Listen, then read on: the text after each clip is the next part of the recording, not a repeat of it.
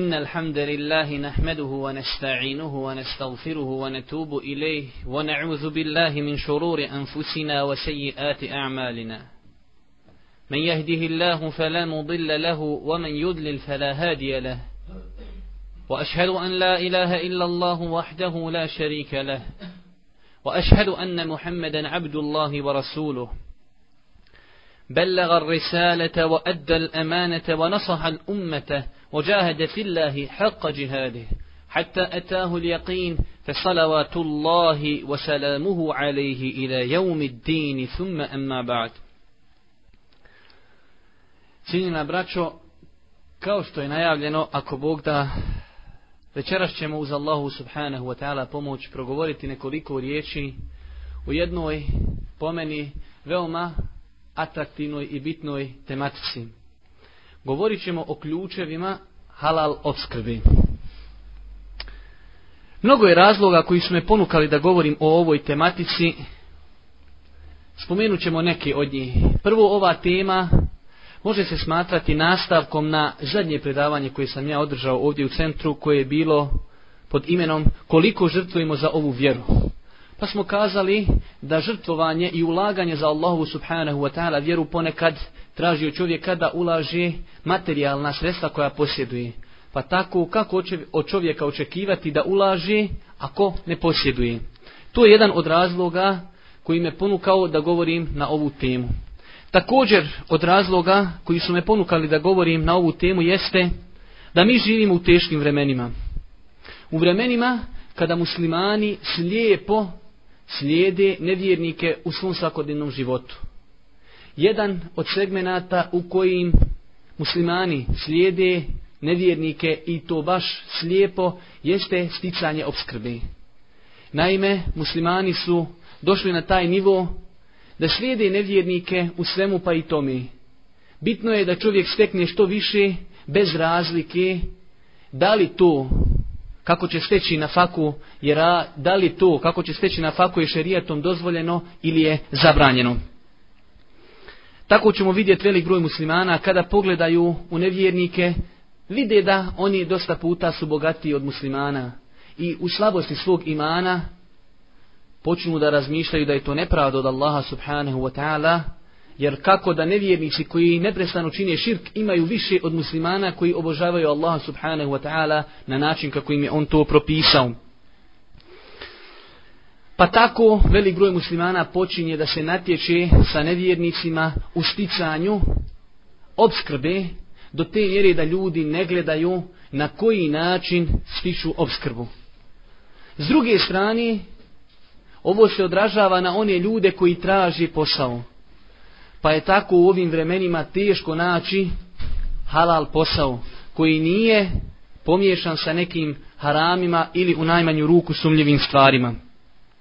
Zato je tekako bitno da govorimo o ovoj temi koju sam ja naslovio ključevi ili načini sticanja halal obskrbi. Ključevi ili načini sticanja halal obskrbi.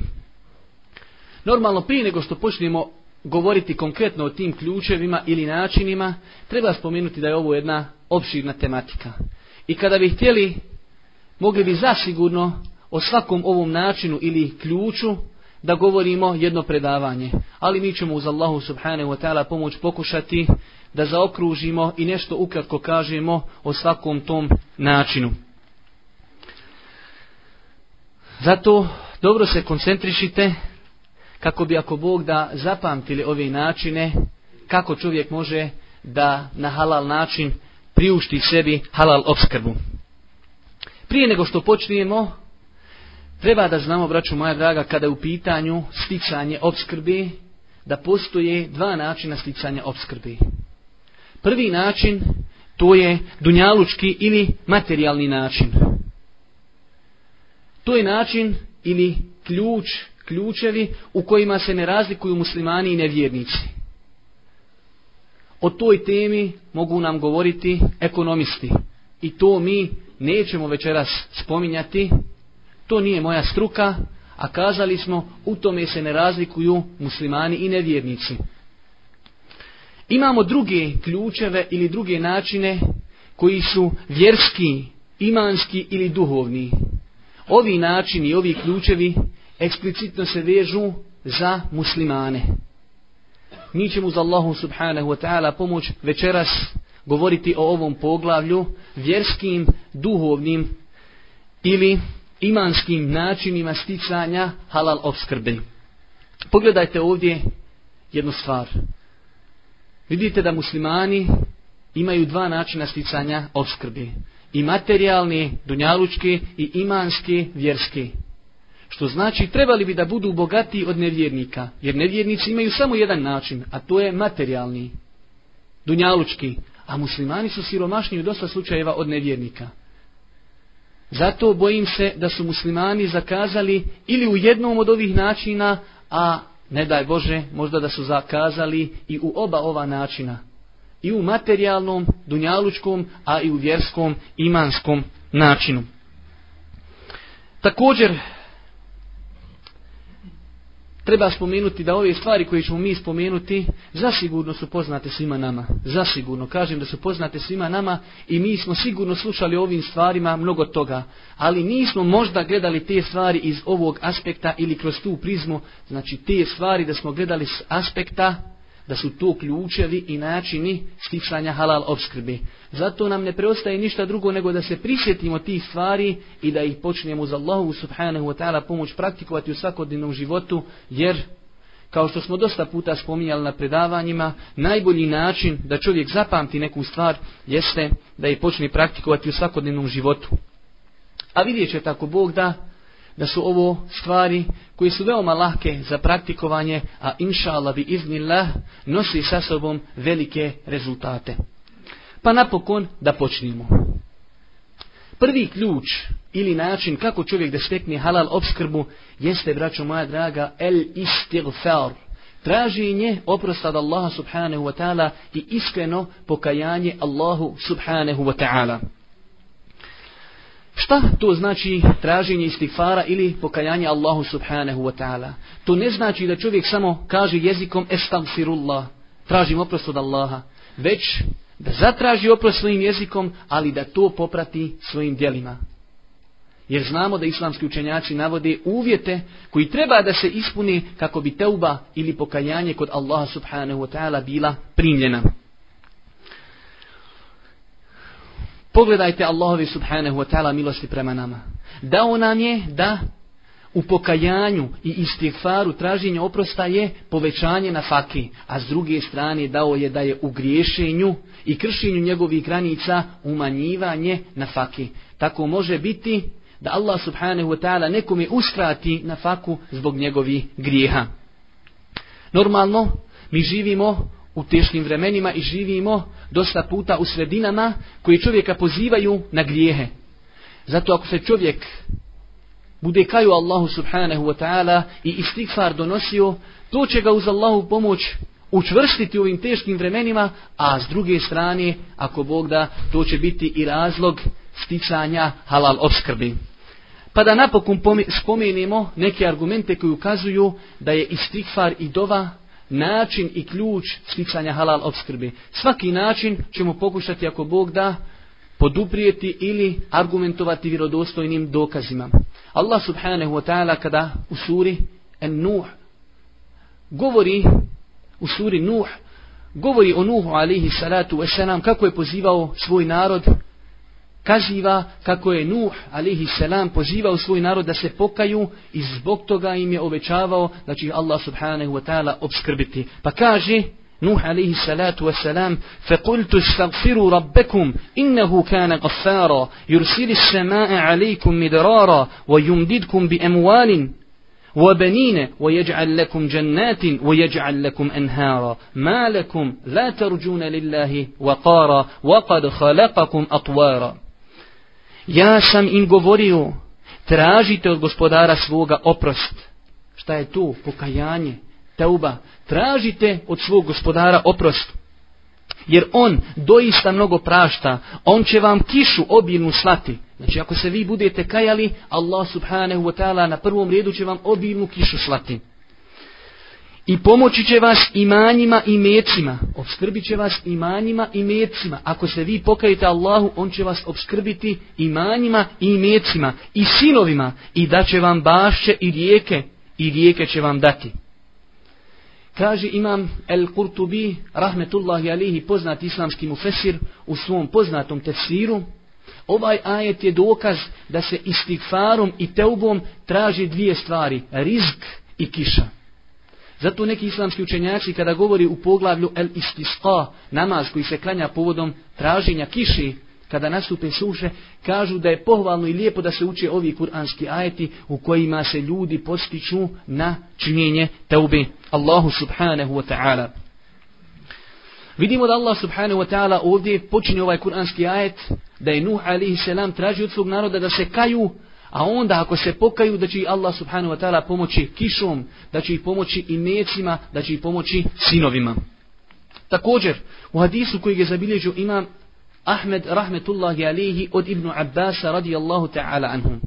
A vjerodostojnim je ovaj hadis ocenio poznati islamski muhaddif Ahmed Šakir rahmetullahi alihi da je Allahu poslanik sallallahu alaihi wa sallam kazao men ekfera istighfara ja'ala Allahu lehu min kulli hemin saraja wa min kulli dhiqin makhraja wa razaqahu min hajthu la jehtesib Kaže Allahu poslanik, ko bude često istighfar činio, kajao se, Allah će mu dati rješenje za svaku brigu, izlaz iz svake poteškoći i obskrbit će ga odakle se i ne nada.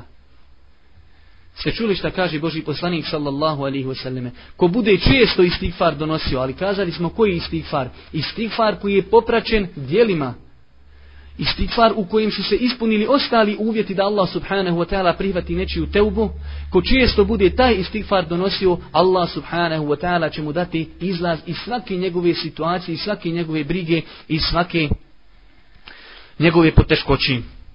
Također kazali smo s druge strane, Allah subhanahu wa ta'ala i svoje milosti je dao da ljudima zbog istighfara i teube povećaje na faku, a zbog grijeha im umanjuje na faku. Kaže Boži poslanik sallallahu alaihi wasallame Innal abde le juhramu rizqa bi zenbin yusibuhu.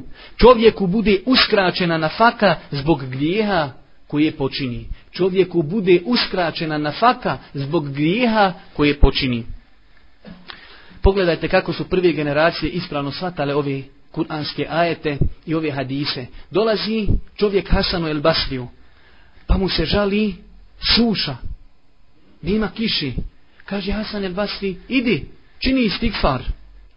Dolazi drugi čovjek pa se žali na siromaštvo. Kaže, ja sam bjeda, siroma. Kaže mu Hasan el Basri, idi, pokaj se Allahu subhanahu wa ta'ala. Dolazi treći, kaže, dovi Allahu subhanahu wa ta'ala da mi da čestit porod, nemam djeci. Kaže Hasan el Basri, idi, pokaj se Allahu subhanahu wa ta'ala. Oni koji su bili tu prisutni, Kažu Hasanu el Basriju, kakav si ti muftija? Kogod ti dođe, idi pokaj se, idi pokaj se, idi pokaj se. A znamo i mi, kaže tako. Kaže on, tako mi Allaha nisam ništa kazao od sebe. Zar ne učite riječi Allaha subhanahu wa ta'ala, one riječi u suri Nuh, gdje kaže, fe kultu stagfiru rabbekum innehu kane gaffara, yursili se ma alaikum midrara. Činite teubu pokajanja Allahu subhanahu wa ta'ala, pa će slati obilnu kišu vama. Daće vam i metke, pomoći će vas sinovima. Znači rješenje za sve trojicu ljudi koji su pitali jeste u ovom kuranskom ajetu.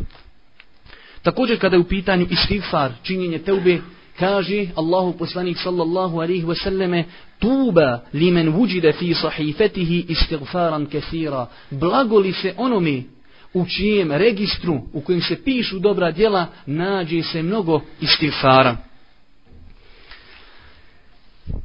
To je nešto ukratko vezano za ovaj prvi način, iako kazali smo da moramo zbog skučenosti s vremenom između, između akšama i jacije, o svakom ovom načinu progovorit ćemo nešto ukratko, iako o teubi, pokajanju, činjenju istikfara moglo bi se govoriti sigurno do jacije.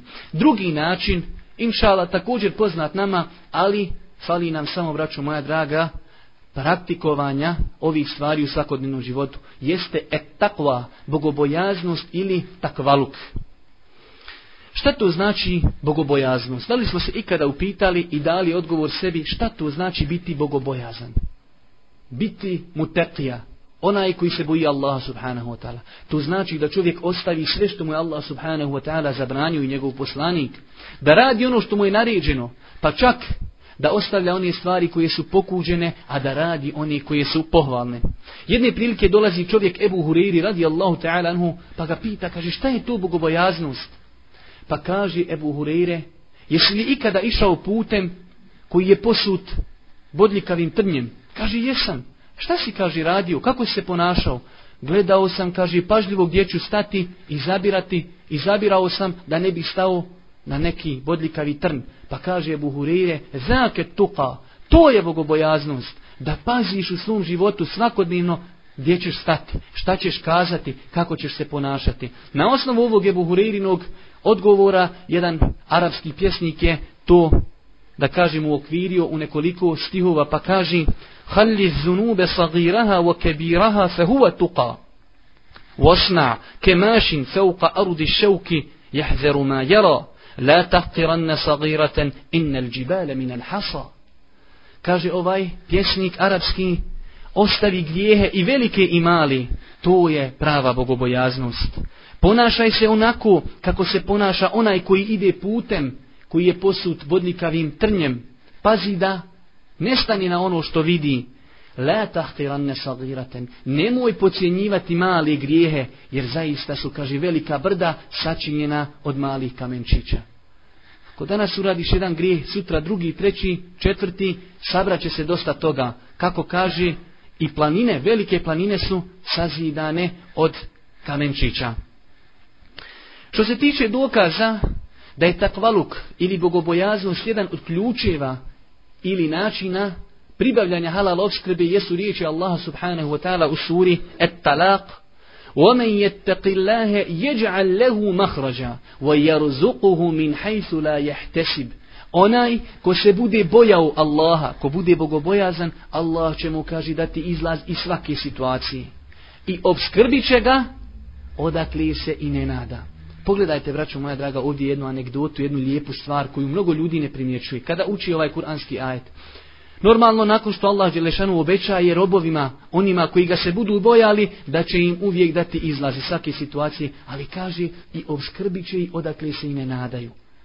Znate kako je čovjek ima neke prihode, pa očekuje, dobit će platu, dobit će ovo, dobit će ono, sve to nekako drago insanu, ali kada mu dođe odnekli, uopšte se nije nadao ništa, odnekle dođe neki dobro, dobročinitelj, pa nekako nešto kapni. To je insanu nešto najdraži.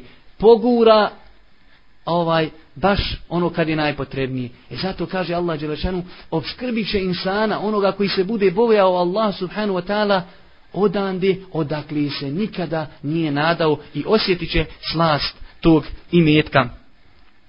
Imam Ibn Kesir, rahmetullahi alihi, i drugi mu fesiri kao što imam Kurtubi, u povodu objave ovog kuranskog ajeta navode jednu izuzetno lijepu priču.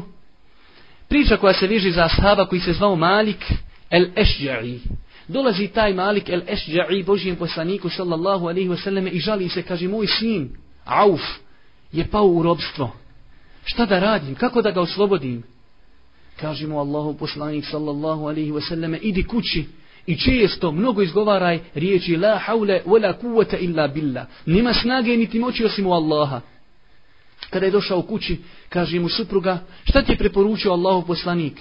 Kaže, rekao je da često izgovaram riječi la haule wa la kuvvete illa billah. Pa kaže ova žena, zaista je lijepo to čemu nas je podučio Allahu poslanik. Pa su počeli sa praktikovanjem. Pa je njihov sin došao na večer i kuca na njihova vrata. Otac iznenađen. Otkud njegov sin? Kada je otvorio vrata, došao sin, zdrav, živ i iza njega dolina puna goveda, deve, ovce, konji. Šta je sine to? kaže, o oče, danas sam, kaže, bio u robstvu, gledao sam kako se halike željezni na mojim rukama same raširuju, kaže, izvukao sam svoje ruke, uzjahao sam konja, devu koja je bila neprijateljska, oni su jednostavno nisu očekivali takvu stvar i kaže, potjerao sam stado koje ti vidiš ovdje, to je kao jedan vid ratnog plijena. Pa su otišli Božijim poslaniku sallallahu alihi wasallame, a kaže Božiji poslanik sallallahu alihi wasallame, Ovama su objavljeni sljedeći ajati وَمَنْ يَتَّقِ اللَّهَ يَجْعَلْ لَهُ مَخْرَجَا وَيَرْزُقُهُ مِنْ حَيْثُ لَا يَحْتَسِبْ Onaj ko se boji Allaha, on će mu dati izlaz iz svake situacije i obskrbit će ga odakle se i ne nada. Također od ajeta koji ukazuju da je bogobojaznost takvaluk od ključeva i načina pristi, e, postizanja halal obskrbe jesu riječi Allaha subhanahu wa ta'ala u suri Al-A'raf gdje kaže Allah subhanahu wa ta'ala وَلَوْ أَنَّ أَهْلَ الْقُرَى آمَنُوا وَاتَّقَوْا لَفَتَحْنَا عَلَيْهِمْ بَرَكَاتٍ مِنَ السَّمَاءِ وَالْأَرْضِ ولكن كذبوا فأخذناهم بما كانوا يكسبون a da su stanovnici sela i gradova vjerovali i grijeha se klonuli. Što znači grijeha se klonuli? Da su bili bogobojazni. Walau anna ahli al-qura amanu wattaqu. Ovdje ova riječ je došla od takva, bogobojaznost. Da su bili bogobojazni, kaže Allah subhanahu wa ta'ala, mi bismo im blagoslove s neba i zemlje slali. Nije blagoslov, već blagoslove sa neba i sa zemlji, ali oni su poricali, pa smo ih mi kaznili za ono što su zaradili pogledajte kako Allah Đelešanu obećaje ova riječ berekat, množina, blagoslove. Zašto? Zbog raznolikosti blagoslova koje bi Allah dao ljudima koji bi vjerovali i bojali se Allaha. U razno, raznim stvarima Allah subhanahu wa ta'ala bi im podario blagoslov i bereket. Pogledajte šta znači bogobojaznost. Kako može imati velike plodove i na dunjaluku i na ahiretu. Omer radijallahu ta'ala anhu jedne prilike prolazi po, pokraj čobana koji je čuvao tuđe ovce. Pa kaže Omer radijallahu ta'ala anhu čobanu prodaj mi jednu ovcu. Kaže čoban ja samo čuvam ovce, tuđe ovce, nisu moje gazdine, ja samo čuvam, imam platu zbog toga. Kaže Omer, želi da ga iskuša. Pa kaže, kaže gazdi, pojeo ovcu vuk, a uzmi sebi pare. Kaže čoban, bogobojazan, Omere, ne znajući da je to Omer, a gdje je Allah? Gdje je Allah? Allah vidi. Pa je Omer otišao, tražio je gazdu tog čobana, pa je otkupio tog čobana iz robstva, kupio mu stado i poklonio mu ga. Nakon toga mu je kazao, rekao si riječ koja te oslobodila ovo dunjalučkog robstva, molim Allaha da te Allah zbog te riječi oslobodi vatri džehennema. Pogledajte, zbog jedne riječi, a gdje je Allah, čovjek je zaradio i ovo dunjalučku, a molimo Allah subhanu wa ta'ala da mu podari i ahiretsku nagradu zbog toga.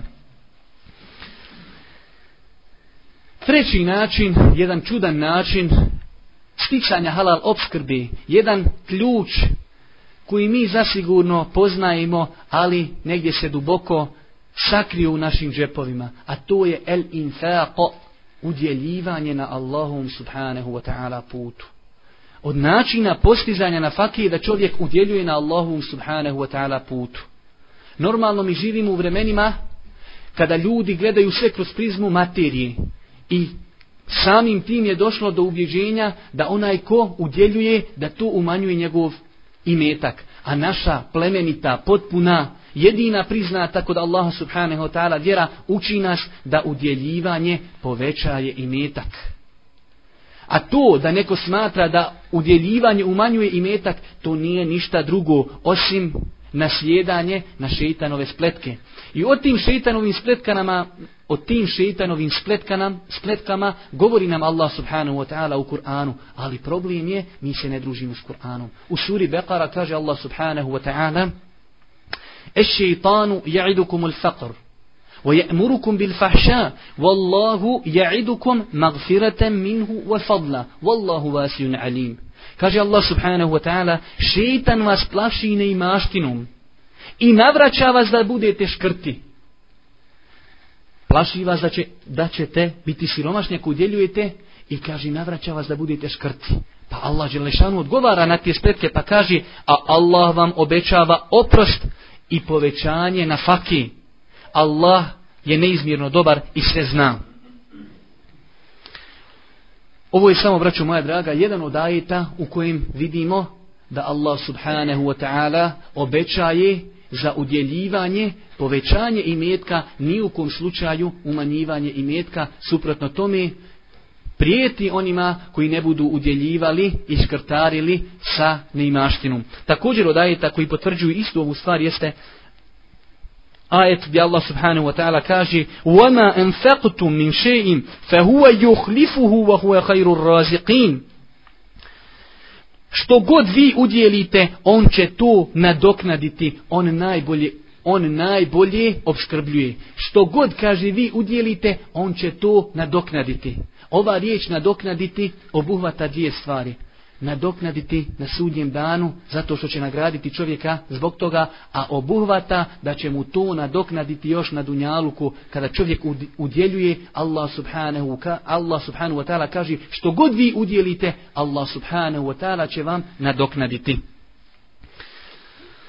Također od hadisa koji potvrđuju ovu stvarnost da je udjeljivanje ključ s kojim se postiže halal obskrba jesu riječi Božijeg poslanika sallallahu alaihi wa sallame koji zabilježu ima muslim od Ebu Hureyri radijallahu ta'ala da je kazao Allahu poslanik u hadisu znači El Kudsi da kaže Allah subhanahu wa ta'ala jebne Adem enfiqo unfiq alik o sine Ademov udjeljuj ja ću udjeljivati tebi udjeljuj A ako ti budeš udjeljivao, i ja ću udjeljivati tebi. Također poznati hadis u Buhari i muslim od Ebu Huriri radijallahu ta'ala anhu, hadis kojeg smo mi više puta spominjali, pa čak i komentarisali u našem predavanju, koga blagosiljaju meleki, da kaže Boži poslanik sallallahu alaihi wasallame, nema niti jednog dana, a da u tom danu se ne kada osvanu sinovi Ademovi da se ne spuste dva meleka pa jedan od tih meleka kaže o gospodaru povećaj na faku onome ko udjeljuje a kaže drugi o gospodaru umanji na faku onome koji škrtari također braćo moja draga ovdje možemo spomenuti jednu lijepu stvar a to je kolika je Allahova milost prema nama. Allah Đelešanuhu ne traži od nas da udjelimo sve što imamo traži da udjelimo samo jedan dio našeg imetka. Zato tamo u prvim ajetima sure El-Beqara, poznati kod nas kao Elif La Mim, kaže Allah subhanahu wa ta'ala وَمِمَّا رَزَقَنَاهُمْ يُنْفِقُونَ Kada opisuje vjernike, kaže i oni od onoga što smo im mi darovali udjeljuju. Ne kaže ono što smo im mi darovali udjeljuju, od onoga. Znači jedan dio udjeljuju dovoljno je znači da čovjek udijeli jedan dio svoga imetka inšala da potpadne pod ova obećanja Allahu subhanahu wa ta'ala i njegovog poslanika sallallahu alihi wasallame. Sjećate se hadisa u muslimovoj zbirci kada smo govorili o čovjeku koji je čuo glas iznad oblaka da kaže oblaku ispušti vodu na baštu tog i tog. Pa da je poslije pitao zašto je zaslužio to? Da ljudi okolo trpe sušu a oblaci posebni dolaze i ispuštaju vodu na njegovu baštu pa kaže ja ono što uzmem iz te bašte trećinu udjelim, trećinu ja i moja porodica pojedimo, a trećinu ponovo posijem. Vidite, braću moja draga, da zbog udjeljivanja taj čovjek je dobio toliku povlasticu i ta, toliku milost od Allah subhanahu wa ta'ala da je dao posebne oblake koji će navodnjavati njegovu baštu. Također,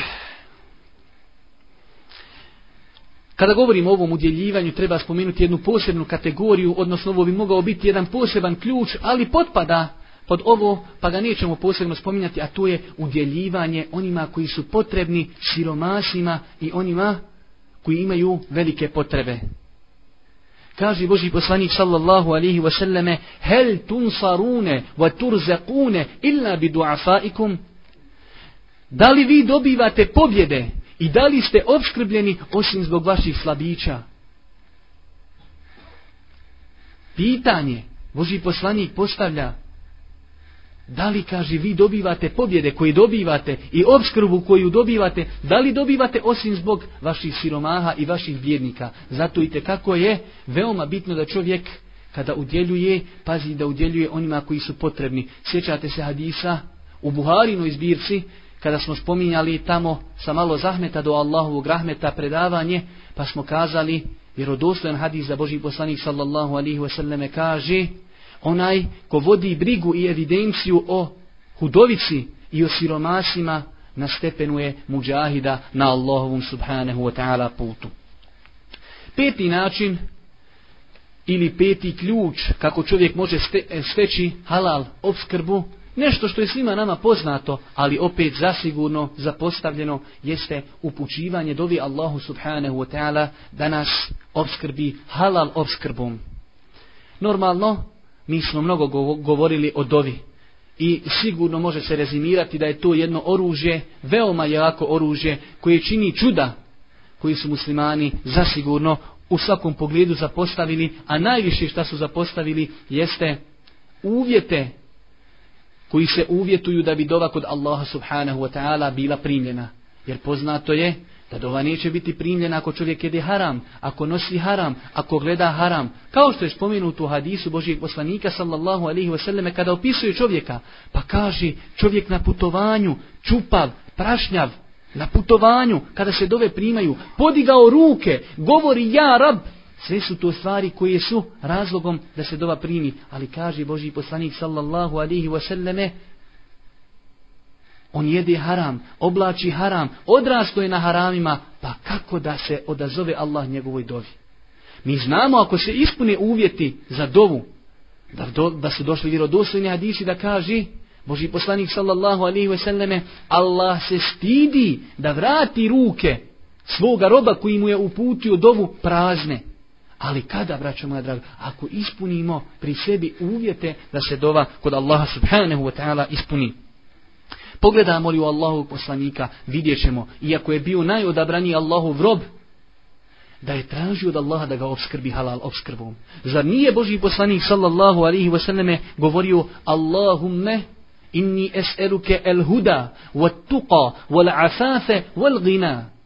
O gospodaru, ja od tebe tražim šta na prvom redu? Uputu, el huda. Na drugom mjestu, et tuqa, bogobojaznost. Inni es'eluke el huda, wa tuqa, wal afafe, krepost, čestitost, wal gina. Da me oskrbiš bogatstvo. Također, zar nije Boži poslanik sallallahu alaihi wasallame između dvije sežde, kada bi se vraćao nakon prve sežde, zar nije govorio Rabbi gfirli, warhamni, wahdini, wajburni, waafini, warzuqni warfa'ni. Jedna od ovih stvari jeste warzukni, obskrbi me. Allahu poslanik sallallahu alaihi wasallame, ali upućuje dovu Allahu subhanahu wa ta'ala da ga obskrbi. Također, s druge strane, Boži poslanik se utičao od siromaštva, od bijede, od dugova. U vjerodostojnim predajama stoji da je Boži poslanik sallallahu alaihi wa sallam govorio E'udhu bike min galebeti dejni wa kahri ređal. O gospodaru, utječim se tebi od nadmoći dugova da me dugovi srozaju, utječim se tebi od toga i utječim se tebi od tlačenja i poniženja ljudi. Isto čega se utjecao Boži poslanik sallallahu alaihi wasallam. U hadisu koji zabilježi imam et Tirmizi, od Ali radijallahu ta'ala anhu, a vjerodostojnost ovog hadisa potvrdio je ših Albani, stoji da je došao čovjek Ali radijallahu ta'ala anhu, pa kaže, pazite dobro ovaj hadis, mislim da svakom od nas treba. Dolazi čovjek i kaže, Ali radijallahu ta'ala anhu, ja imam toliko dugova da nemam više mogućnosti da ih vratim. Pritisli me toliko dugovi. Možeš li mi pomoć kako? Kaže Alija radijallahu ta'ala anhu, hoćeš li da te podučim onome, čemu je mene podučio poslanik sallallahu alihi wasallame i kazao mi je da ako proučiš ovu dovu, Allah subhanahu wa ta'ala će vratiti tvoje dugove, to jest olakšat će ti njihovo vraćanje, pa makar imao toliko dugova kao to i to vrdo. Pa kaže čovjek, hoću. Pa kaže Alija radijallahu ta'ala anhu, kaže Allahumme kfini bi halalike an haramik, wa agnini bi fadlike an men sivak. Dvije rečenice. Allahumme kfini bi halalike an haramik, wa agnini bi fadlike an men sivak. U prijevodu značenja, gospodaru, zaštiti me tvojim halalom od tvoga harama, obskrbi me tvojom dobrotom. Obskrbi me iz svoje dobrote, nemoj me prepuštati nikom drugom obskrbi me tvojim halalom, zaštiti me od tvog harama i ne prepuštaj me nikom drugom, već me ti obskrbi i svoje dobrote. Allahum makfini bi halalike an haramik, wa agnini bi fadlike an men sivak. Hadis vjerodostojan.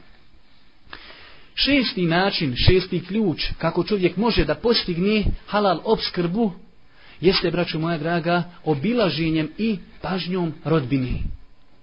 Ko želi da mu Allah subhanahu wa ta'ala podari blagoslov i bereket u njegovom imetku, neka pazi svoju rodbinu.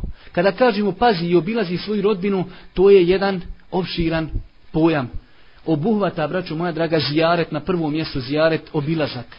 Obuhvata finansijsku pomoć, materijalnu, duhovnu, savjetovanje, pozivanje u vjeru, zauzimanje za njih ako to zaslužuju. Sve to podrazumijeva da pazimo svoju familiju. Kaže Boži poslanik sallallahu alihi wasallame, men ehabbe en yubsata lehu fi rizqihi fel jesile rahimehu. Ko želi da mu se prostri i poveća njegova nafaka, neka pazi i neka obilazi svoju rodbinu. Mi živimo, nažalost, u vremenu kada ljudi odgađaju odlazak rodbini zato što ne mogu ponijeti nešto sa sobom kao hediju, nešto ukeši. I to bu, biva razlog, to bude razlog da ljudi kidaju rodbinske veze. Ne može ponijeti nešto u vrijednosti od 5 km ili manje ili više i onda danas ću, sutra ću, danas ću, sutra ću, pa pruži godina, dvije, tri, čovjek ne ode nekom od bližnje rodbini, a da ne govorimo o daljnjoj rodbini. Zato kažemo oni koji želi da im se poveća na faka, da im se podari blagoslov u njihovom ovaj imetku, neka pazi svoju rodbinu. Sedmi način, način koji zasigurno kod nas nije mnogo izvodljiv, ali nema smetnje da se spomeni kako bi ljudi znali, možda to u nekom od nas pobudi želju. Imamo mi ako Bog da ovdje imućni ljudi koji to mogu praktikovati jeste, braćo moja draga, činjenje, konstantno činjenje hađa i umri. Da čovjek obavi hađ, nakon toga umru, nakon toga hađ, nakon toga umru i tako konstantno da ovaj obavlja hađ i umru. To je također jedan od načina da čovjek postigne halal obskrbu.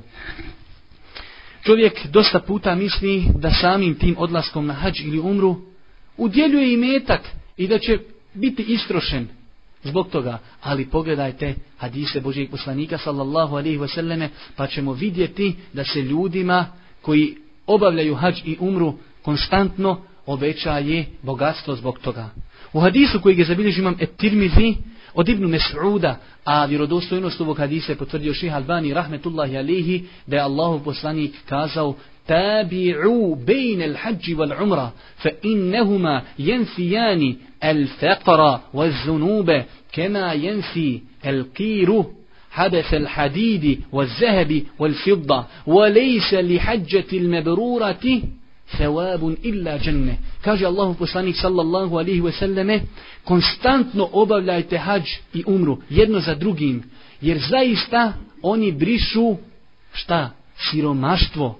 Brišu siromaštvo i grijehe, kao što kovački mjeh briše prljaštinu i nečistoću željeza, zlata i srebra. Pa nastavlja Allahu poslanik i kaže zaista primljen hađ kod Allaha subhanahu wa ta'ala nema drugi nagrade osim džennet. Hadis je kao što smo kazali vjerodostojan.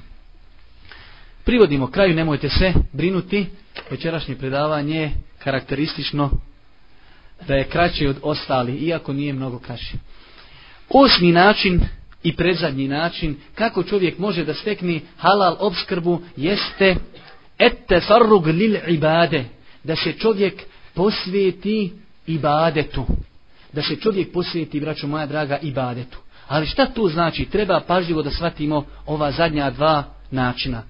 Jer oko njih velik broj ljudi ima neispravna ubjeđenja teferrug lil ibade, da se čovjek posvijeti ibadetu.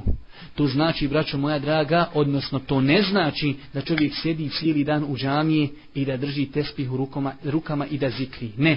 Već to znači da čovjek čitav svoj život uskladi kroz islam i da njegov čitav život bude ibadet.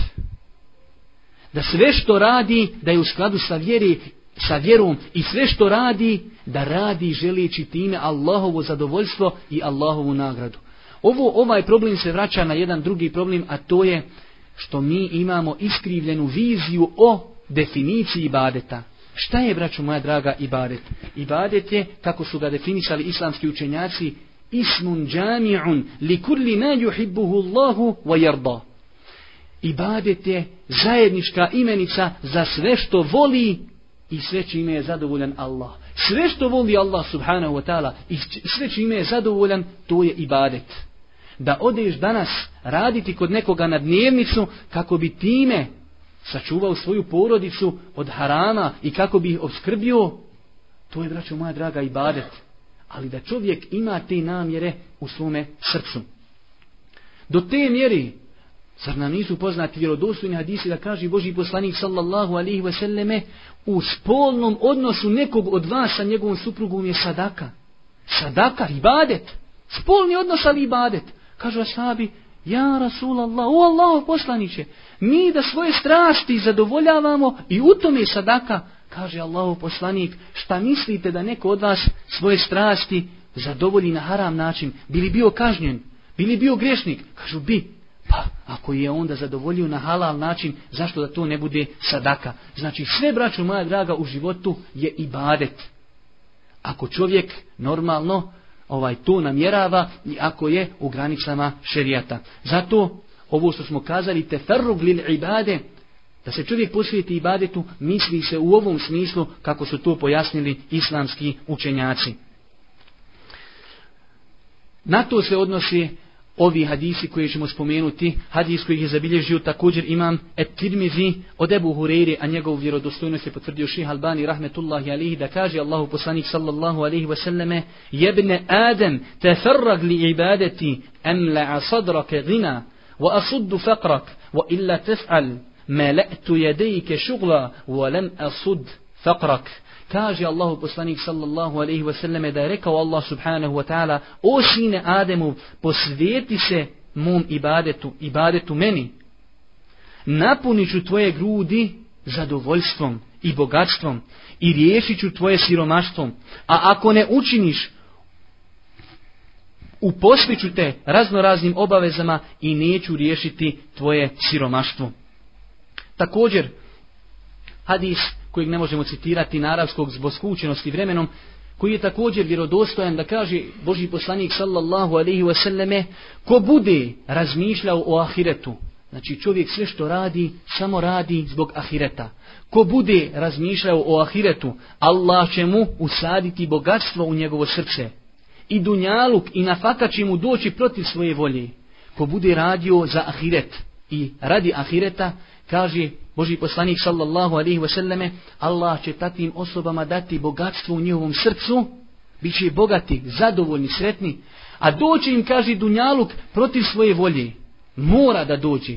A slušajte dalje, kaže Allah poslanik sallallahu alaihi wasallame, ako bude razmišljao, čije brige budu vezane za Dunjaluk, Allah će mu dati strah od siromaštva i neće dobiti od nafaki i dunjaluka osim ono što mu je propisano. Nemojte shvatiti da je ovdje poku, da mislite da je pokuđeno sticati dunjaluk. Ni u kom slučaju.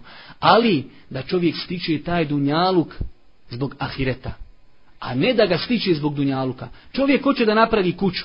To je pohvalno. Zašto? Da skloniš sebe, svoju porodicu u svoju kuću u kojoj ćeš ti praktikovati šerijat. To je pohvalno i to je potrebno ali da čovjek to ne radi kako bi samo postigao ovo dunjalučke koriste. To je ono što je kako bitno da shvatimo kada je u pitanju ova tematika. Zato ovaj početak hadisa, ko bude razmišljao o ahiretu, Allah će dati, kaže, da mu dođe nafaka protiv svoje volje. Šta to znači? To znači da će mu Allah olakšat. Čovjek to radi zbog ahireta i Allah će mu na tom putu olakšati sticanje nafake. Ta nafaka će mu lakše dolaziti. Ako bude to radio samo zbog dunjaluka, dobit će ono što mu je propisano. I zadnja stvar, braćo moja draga, zadnji način kako čovjek može da postigne halal obskrbu, jeste et tevakul, oslonac na Allaha subhanahu wa ta'ala osloncem na Allaha subhanahu wa ta'ala čovjek može zaslužiti Allahovu halal obskrbu. Normalno, kada govorimo o ovoj stvari, o njoj ćemo samo malo opširnije, zato što je ona zadnja.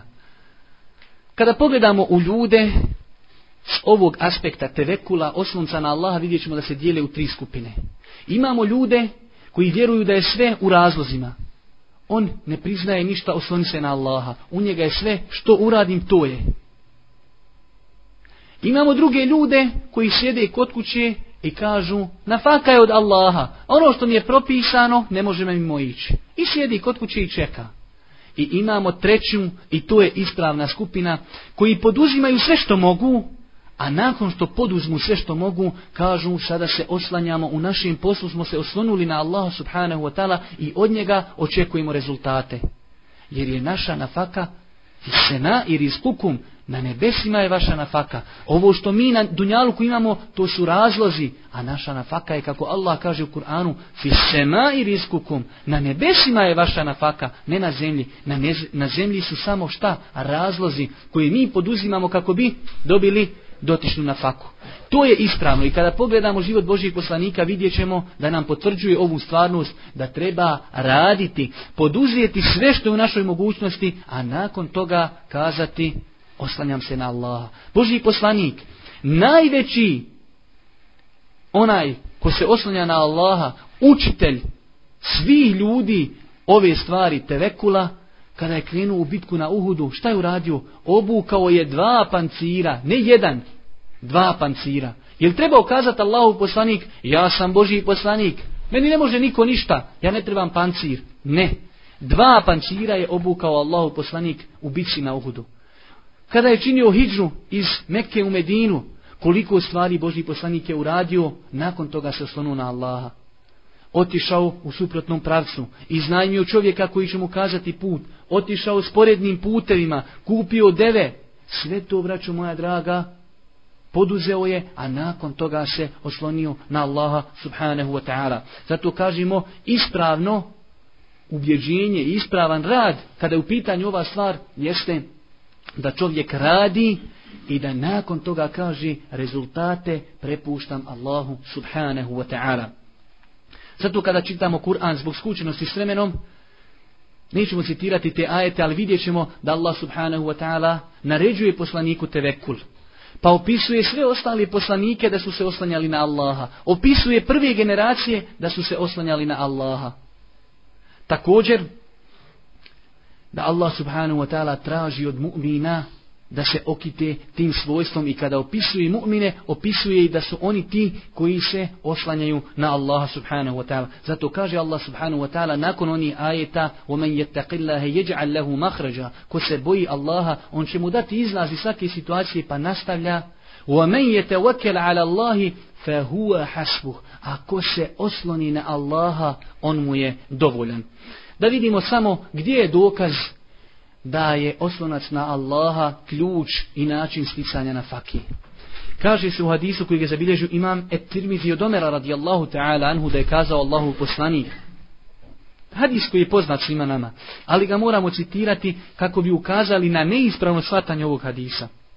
Kaže Allah poslanik, لو أنكم تتوكلون على الله حق توكله kama كما يرزق الطير تغدو خماصا وتروح بطانا Kaže Boži poslanik sallallahu alihi wasallame, obraćajući se svome ummetu, da se vi oslanjate na Allaha istinskim oslonjanjem, on bi vas obskrbio kao što obskrbljuje ptice. I zajutra, od, iz, ujutro, odlaze gladne u potrazi za nafakom, na se vraćaju bitana, puni stomaka. Neko ovaj hadis pogrešno svata pa kaže bitno je da se osloniš na Allaha doći ti od nafake onoliko koliko ti Allah propisao. Greška. Ovaj hadis se ne može uzimati dokaz za te stvari suprotno tomi. Ovaj hadis je i tekako argument da čovjek treba da radi. Ne kaže Allahu poslanik, ptice se oslonjaju na Allaha i sjede u gnjezdima, čekaju na faku. Već kaže i za jutra odlazi gladne, naveći, znači cijeli dan traži, ali naveći se tek vraćaju site. Što znači i te ptice koje se toliko oslanjaju na Allaha subhanahu wa ta'ala, ipak poduzele su razloge, radi, trude se, nakon toga se oslanjaju na Allaha subhanahu wa ta'ala. Zato kažemo i rezimiramo i time završajemo ovu tačku da je istinski oslonac na Allah subhanahu wa ta'ala taj koji je popraćen djelom. Da čovjek uradi ono što je u njegovoj mogućnosti nakon toga da se osloni na Allaha. I na kraju, dozvolite mi u jednu ili dvije minute, možda i malo više, da spominimo samo nekoliko primjera da vidite kako su prve generacije ili ovaj i Boži poslanici kako su se oslanjali na Allaha subhanahu wa ta'ala. Mnogo je primjera, toliko da bi nam trebala predavanje da o tome, ali da o tome govorimo. Ali spomenut ćemo ukratko neke bez velikih pojašnjenja. Sjećate se hadisa Allahu poslanika sallallahu alaihi wasallame u bitci Zator Rika. Kažu ashabi, ostavili smo jedno drvo Božijem poslaniku, pa je otišao legu, obisio svoju sablju na to drvo. Pa je došao mušik i sukao sablju Allahu poslanika, pa kaže, ko te čuva sada od mene? Boži poslanik, u toj situaciji nema ništa, osim tevekul. Kaže, Allah me čuva. Pa je ispala sablja iz ruke mušrika, pa je uzeo Allahu poslanik, pa kaže, ako tebe sada čuva od mene, pa kaže, budi pravedan, budi milostiv prema meni, pa ga je pustio Allahu poslanik, pa je otišao u svom plemenu i kaže, dolazim vam od najboljeg čovjeka koji sam ikada sreo. Pogledajte oslonca na Allaha subhanahu wa ta'ala, čovjek isukao sablju, ko te čuva od mene? Allah subhanahu wa ta'ala. I Allah subhanahu wa ta'ala zbog njegovog tevekula ga sačuvao. Normalno, mnogi drugi su primjeri kada je u pitanju drugi poslanici ili ličnosti iz historije. Pogledamo li samo primjer majke Musa alihi salatu wasalam. Kada kaže Allah subhanahu wa ta'ala u Kur'anu, obraćajući se majci Musa, a kada se pribojiš za njega, baci ga u vodu. Kada se budeš bojala za njega, baci ga u vodu. Ali to je oslonac na Allaha, pa ga je bacila, pa ga Allah subhanahu wa ta'ala sačuvao. Ibrahim alihi salatu wasalam, kada su ga bacili u, u vatru, šta je kazao? Hasbun Allahu wa ni'mal wakil. Zaista nam je dovoljan Allah kao zaštitnik. Wa ni'mal wakil. On je onaj na kojeg se najbolje možemo oslonuti. Pa ga je Allah subhanahu wa ta'ala sačuvao. Merjema, majka Isa, alihi salatu wasalam, Kaže Allah subhanahu wa ta'ala, vahuzi, potresi palmu. Braću moja draga, vi ste to slušali mnogo puta. Palma ne može potresi deset ljudi. I kada bi došlo tresi deset ljudi, neće ništa sa njim spasiti. Nemoguće. Ali Allah Đelešanu njojzi tra, od nje traži, potresi palmu, pa će spasti hurme, friške hurme. Pa je ona ustala potres, žena u porođajnim bolovima. Pa ona ne može tada kilu da nosi. Ali otišla je, potrisla, pa su pale hurne. Treba da damo sve od sebe, a nakon toga te ala Allah, osloni se na Allah subhanahu wa ta'ala. I na kraju, primjer Hadžeri, majke Ismailove, Ibrahim alihi salatu wasalam ostavljaju u Mekki, a Mekka ne može se opisati riječima, samo se može vidjeti kakva je to, kakav je to kamenjar, kako je to znači mjesto, Zamislite Ibrahima alaihi salatu wasalam dovodi hađer sa svojim djetom koji dojenče i ostavlja i tu na žestokom suncu.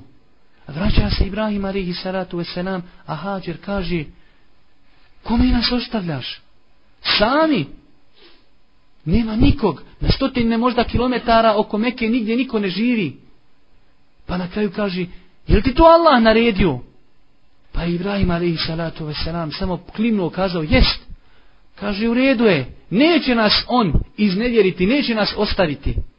Pa je Allah subhanahu wa ta'ala, znate kako je se završilo, kako je dao da je izbio ili provrio izvor zemzem vode nakon što je ona sedam krugova otišla, otrčala između Safe i Mervi. Kada je došao Džibril alihi salatu wasalam u tom teškom momentu, kada je začula njegov glas, kaže je Džibril, Hadžeri, ko si ti?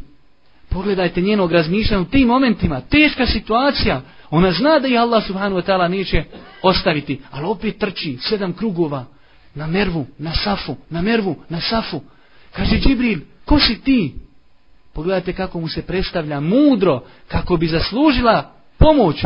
Ja sam, kaže, majka Ibrahimovog djeta. I rekla sam Hadžera. Ko? Znaš šta je Hadžera? Ali Ibrahim je poznat na nebesima. Ja sam majka Ibrahimovog sina. Ljudi, ja zaslužujem pomoć. Ovo dijete je dijete poslanika. Pa je provrio zemzem koji do danas dan, elhamdulillah, teče i piju milioni, milioni ljudi. I zadnji primjer, da ne bi ispalo da pričamo samo primjere ljudi koji je pomogao Allah subhanahu wa ta'ala, dali muđizama, dali poslanike, primjer iz današnjih vremena. Slušao sam jednog šeha, da mu Allah subhanahu wa ta'ala poduži životni vijek i da ga sačuva svakog zla. Kako govori o jednoj ženi, mislim da se radi o sestri koja je iz Egipta. Kaže, imala je čovjeka i dijete, žensko. Pa je taj čovjek iz neki razloga nepoznati bio priveden u policiju, u zatvor. Kaže, pa sam ostala sa svojim djetom sama. Bez neke, kaže, nafake, bez neke obskrbi. Pa je to trajalo par dana, nestalo je svega. Kaže, umeđu vremenu se dijete razbolilo. Žestoko se razbolilo i to na veći. Dva sata na veći, kaže, ja ništa nemam, osim što mu mogu staviti ledene obloge, temperatura, kaže, čekala sam samo da dijete preseli. Počela sam plakat i upućivati dove Allahu subhanahu wa ta'ala. Kaže, za neko kratko vrijeme neko kuca na vrata. Kaže ona, ko je? Doktor. Ona izbezumljena, sva otvori vrata doktoru. Kaže on, when bint? Gdje je djevojčica? Kaže, evo u sobi tu. Ušao doktor u kuću, pregledao sve dijete, propisao lijekove, izlazi doktor. Kaže, evo, toliki je račun za pregled, to... Kaže, ja nemam feninge da platim pregled. Otkud pare?